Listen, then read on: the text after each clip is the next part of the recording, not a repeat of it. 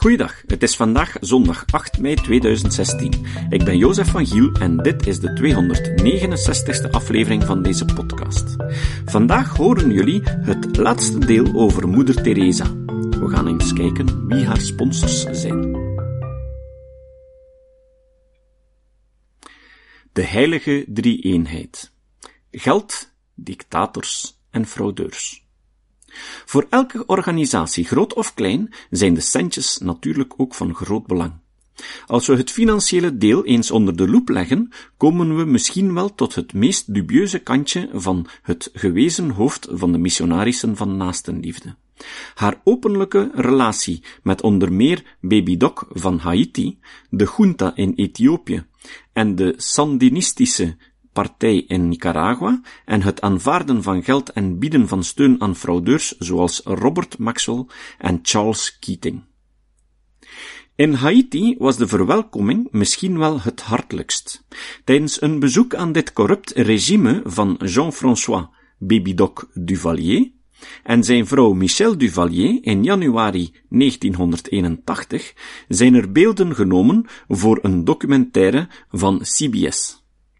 Hier zegt moeder Teresa, die al wat koningen en presidenten had ontmoet, al lachend dat ze de armen nog nooit zo vertrouwd heeft zien omgaan met hun staatshoofd als met de familie Duvalier. Het was een mooie les voor me. Om haar te bedanken voor deze en andere gunsten, kreeg moeder Teresa het Haitiaanse Légion d'honneur. Haar toespraken waren gedurende minstens een week elke avond te zien op de staatstelevisie.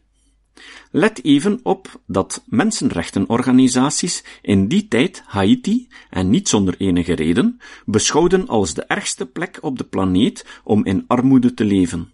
Dit was het gevolg van de uiterst repressieve en hebzuchtige heersende klasse. Baby Doc stond bekend om zijn uiterst repressief regime.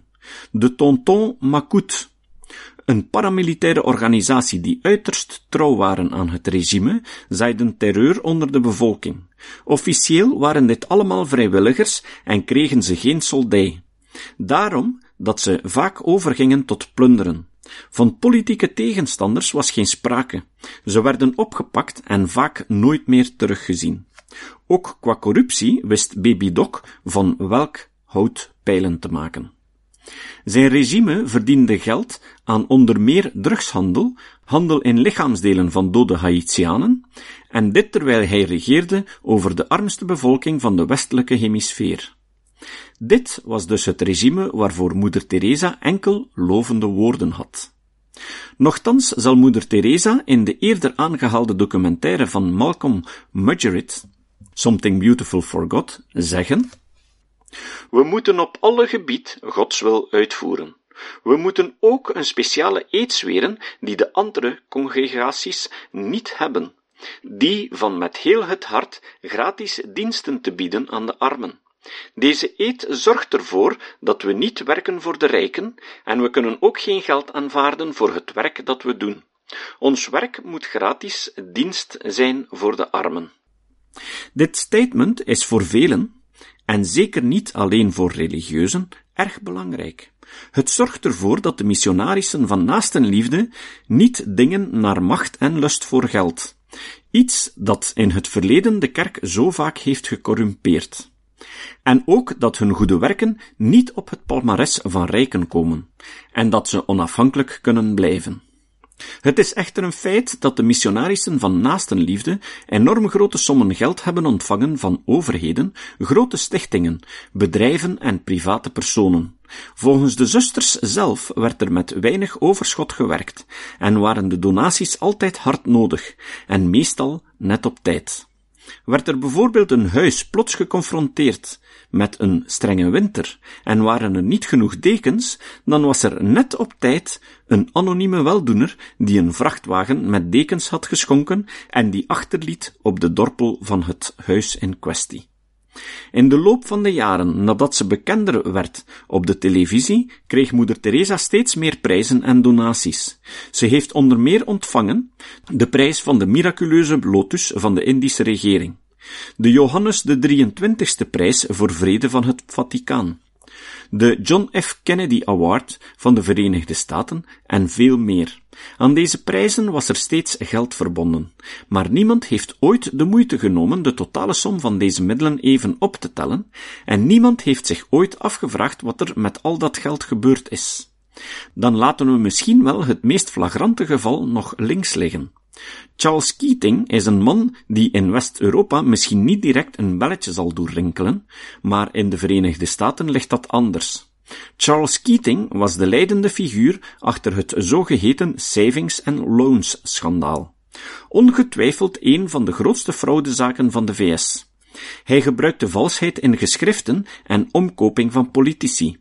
De slachtoffers waren meestal oudere mensen die vaak al hun spaarcenten zagen verdwijnen. Keating werd begin jaren 90 veroordeeld tot een gevangenisstraf van 10 jaar. In de jaren voor het proces, toen de fraude dus nog volop aan de gang was, maakte Keating een totaal van 1.250.000 dollar over aan moeder Teresa. Hij zal haar ook gebruik laten maken van haar privéjet. In ruil hiervoor zal Keating een gepersonaliseerd kruis krijgen dat hij overal mee naartoe neemt en zal moeder Teresa vaak een acte de présence geven bij enkele belangrijke gelegenheden. Keating werd in 1992 uiteindelijk dan toch voor het gerecht gebracht. De feiten stonden zo goed als vast en het werd algemeen verwacht dat Keating de maximale straf zou krijgen. Op dat moment zal moeder Teresa een brief schrijven aan de rechter, edelachtbare Lance Ito. De brief was het waard om hier volledig geciteerd te worden. Beste, edelachtbare Lance Ito. We bemoeien ons niet met de zaken of de politiek van rechtbanken. Ons werk als missionarissen van naastenliefde is om met heel ons hart en gratis diensten te verlenen aan de armsten van de armsten. Ik weet niets van het werk van Charles Keaton of van de zaken waar jullie mee bezig zijn.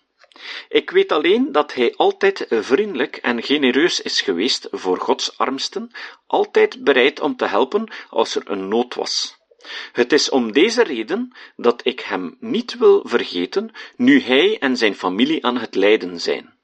Jezus heeft ons gezegd, voor zoveel gij dit een van deze mijnen minsten broeders gedaan hebt, zo hebt gij dat mij gedaan.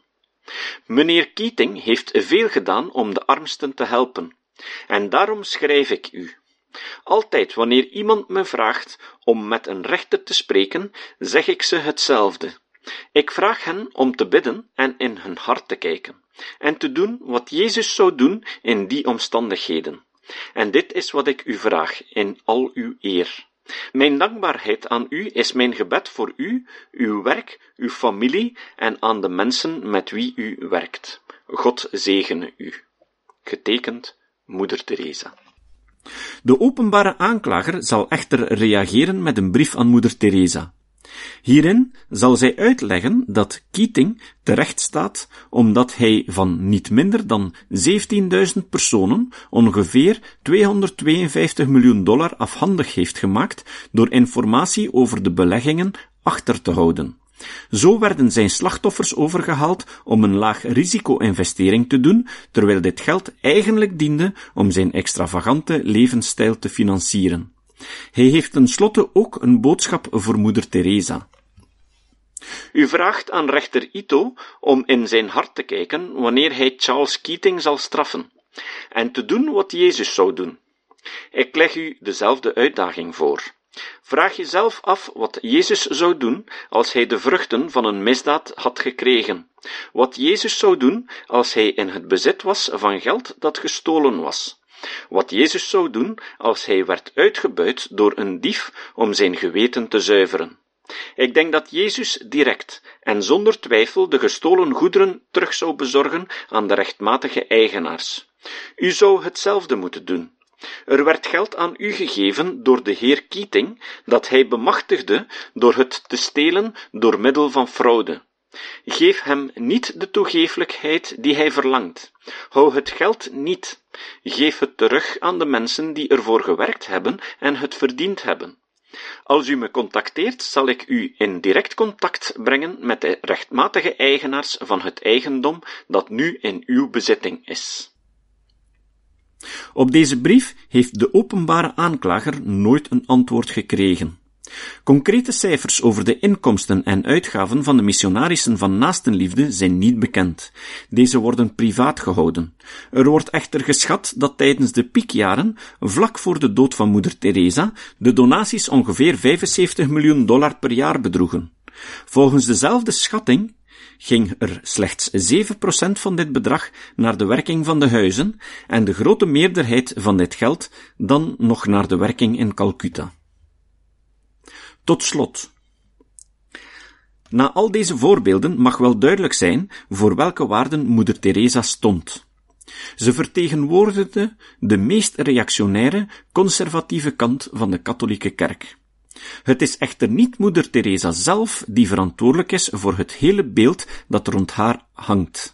De media en verschillende organisaties die haar een prijs gaven, hebben hiervoor gezorgd. Zelf heeft moeder Teresa nooit gelogen of andere dingen gezegd dan de zaken waar ze voor stond. Niet om het lijden van arme mensen te verzachten, maar wel om ervoor te zorgen dat ze dit lijden ten volle op zich konden nemen en zo vroom mogelijk konden sterven. Je mocht er dan wel niet zeker van zijn dat je pijnstillers kreeg als je binnenkwam in een huis van moeder Teresa. Een doopsel kreeg je zeker.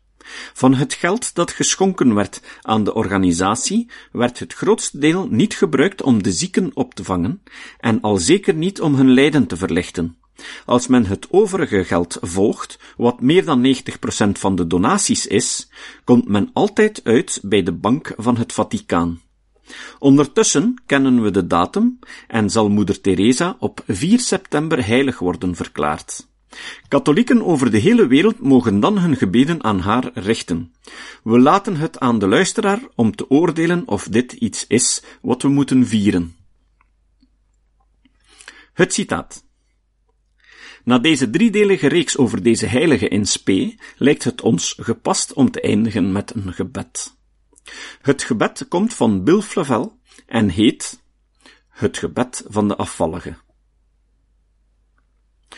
O logica, die er voor altijd zal zijn. Uw naam worden geheiligd. Uw tijd zal komen. Gij zult overwinnen op aarde, zoals het overal zou moeten.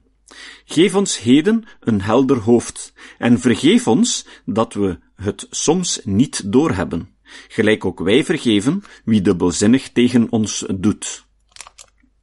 Leid ons niet in een cirkelredenering, maar verlos ons van misvattingen, want gij brengt ons wijsheid, gezond verstand en tolerantie, voor eeuwig en altijd. Amen. Tot de volgende keer. Deze podcast is het resultaat van het werk van veel mensen. Rick de Laat verbetert bijna al mijn teksten en maakt de meeste vertalingen. Emiel Dingemans verzorgt onze website en Facebookpagina. Ook Leon Korteweg en Stefan Sutens schrijven, vertalen of verbeteren soms artikelen. Leon onderhoudt bovendien het YouTube-kanaal van deze podcast. De muziek van de intro en de trailer heeft Nick Lucassen geschreven en soms maken we ook gebruik van muziek van Ad van Nederpelt, die ons zijn prachtige composities ter beschikking stelt. Dit was de podcast Kritisch Denken. Vergeet niet om alles kritisch te behandelen, ook deze podcast. Voor verdere informatie over deze podcast, links en voor de tekst, surf naar www.kritischdenken.info. Als je deze podcast belangrijk vindt, kun je me steunen door anderen warm te maken ook eens te luisteren. Stuur een e-mail naar vrienden met een link naar de website en plaats de link in de handtekening van je e-mails. Tevens kun je op iTunes deze podcast een beoordeling geven of een recensie schrijven. Of je kan op je eigen website of blog een link naar kritisch denken plaatsen.